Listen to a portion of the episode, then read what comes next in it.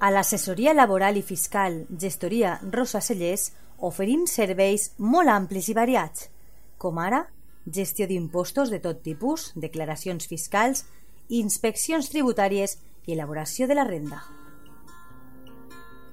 A més a més, la nostra gestoria laboral ajuda a les empreses amb les contractacions, nòmines, segurs socials, partes d'accidents, inspeccions de treball i riscos laborals, entre altres assumptes.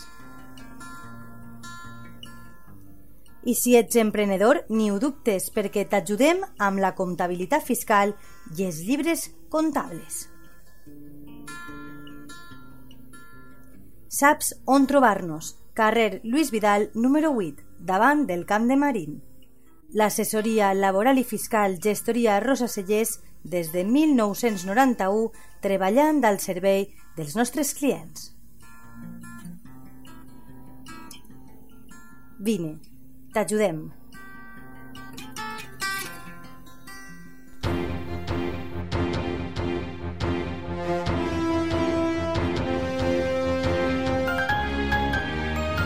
L'oratge.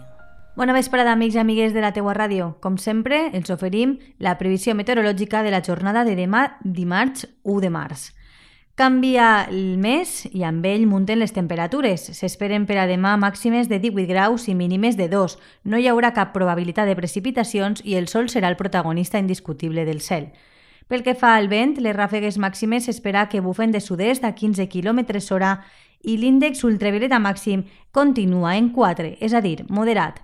És una informació de l'Agència Estatal de Meteorologia, un espai patrocinat per l'assessoria laboral i fiscal Gestoria Rosa Cellers de Monover. A l'assessoria laboral i fiscal Gestoria Rosa Cellers oferim serveis molt amplis i variats, com ara gestió d'impostos de tot tipus, declaracions fiscals, inspeccions tributàries i elaboració de la renda.